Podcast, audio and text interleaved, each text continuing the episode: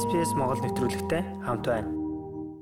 Сайн байцгаана уу? Энэ удаагийн оршин суух хутж булангаар хөл хорионы үед сэтгэл зүйн болоод биеийн эрүүл мэндэ хэрхэн хамгаалах талаар зөвлөгөө хүргэхээр бэлтгэлээ. Танд сэтгэл зүйн ямар нэгэн таагүй мэдрэмж байгаа бол бидэнтэй хамт байгаарай. Бид яг ийм асуудалд ороод даван туулж байгаа хүн эмчилсэн мэрэгжлийн хүмүүсийн яриаг хүргэх болно. Бид эхлээд Австралийн сэтгэл судлалын нийгэмлэгийн ерөнхийлөгч Тамара Каванеттай ярилцсан юм. Тэрээр Австральд байгаа бараг бүх хүн цар тахлын нөлөөнд ямар нэгэн байдлаар өртөж эсвэл сэтгэл төгссөн байдалтай байна гэж яриага эхлүүлсэн юм а.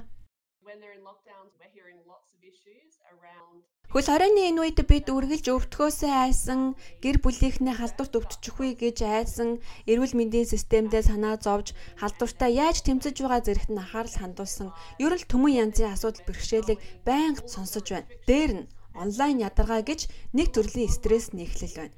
Нэмээд хөл хорионд ороогүй ч цаашдын ирээдүйн яхан тодорхойгүй олон хүмүүс байна. Ингээд маш олон хүний аялал, ажлын карьерийн төлөвлөгөө цар тахлаас бол өөрчлөгдөж бас тасалдаад байна.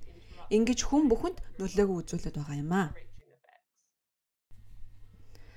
Харин одоо танд Cecily C гэдэг эмэгтэй яриа хүргэе.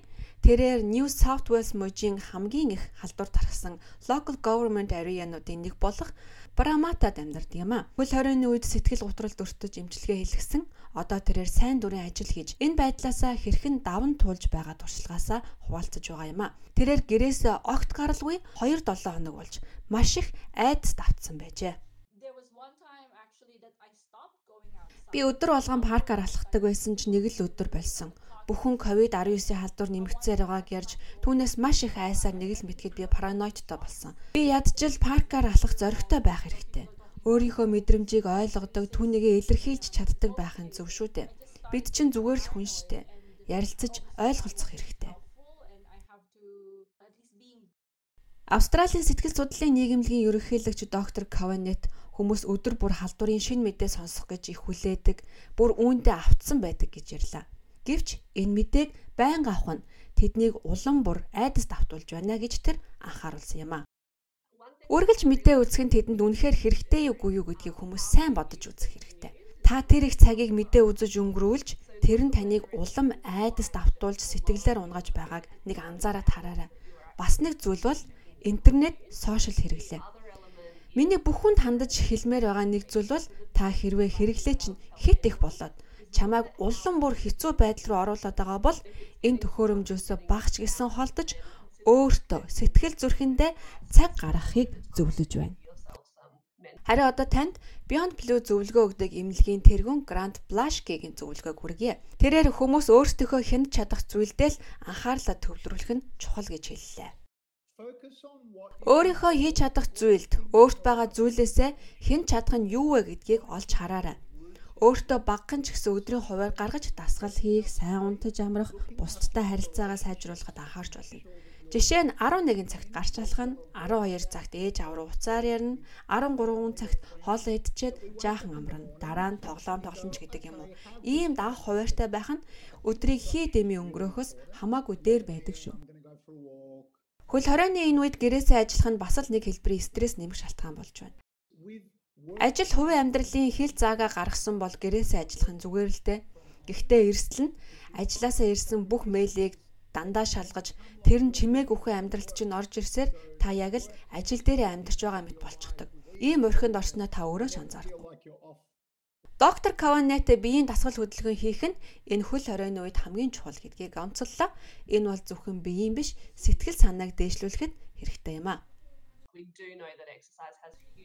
Дасгал хөдөлгөөн сэтгцэн эрүүл мэндэд ямар их нөлөөтэй байдгийг бид мэднэ. Таны хийх дуртай зүйлийн нэг нь эсвэл та бүр огт дасгал хийгээгүйсэн ч одоо эхлүүлээрэ.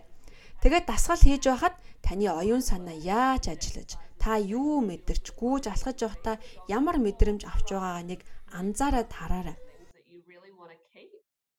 Харин одоо та бүхэнд 30 жилийн турш судалгаа хийж гарсан нэгэн номын тухай хүргье. Кассандра Зойко бол Мельбурний их сургуулийн профессор эмч хүн.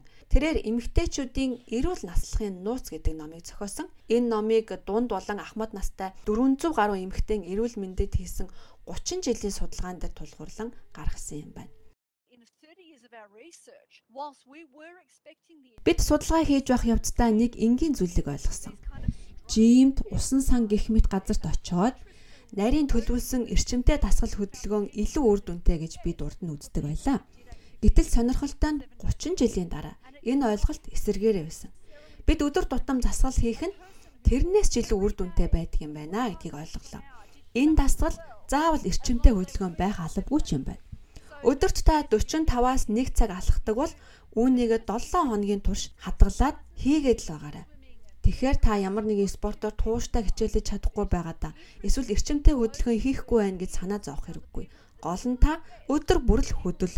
Энэ нь таны эрүүл байлгах хангалттай хөдөлгөөн болж чадна.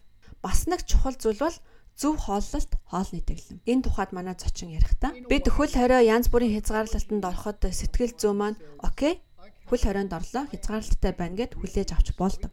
Гэхдээ бид хаанаас сэтгэл ханамж авах юм бэ? Ингээд л бид маш их идэж эсвэл зарим маань гэрте алкогольны төрлийн ундаа ихээхэн ууж байна. Тиймээс та аль болох хортой эрүүл хүнс гэрте худалдаж авахгүй өөртөө ойрхон байхгүй байхыг хичээгээрэй. Бид стресстэй байхад хажуудаа байгаа junk food-ыг идэхүү яах вэ гэж эргэлзэж өөрийгөө нэг буруутгаж нэг зөвтгөж суух нь улам стресс нэмэх нэг шалтгаан болсоор байна. Тэрээр мөн энэ цар тахал бид өөртөө байгаа зүйлээ илүү талархах боломж олгосон гэж ярьлаа.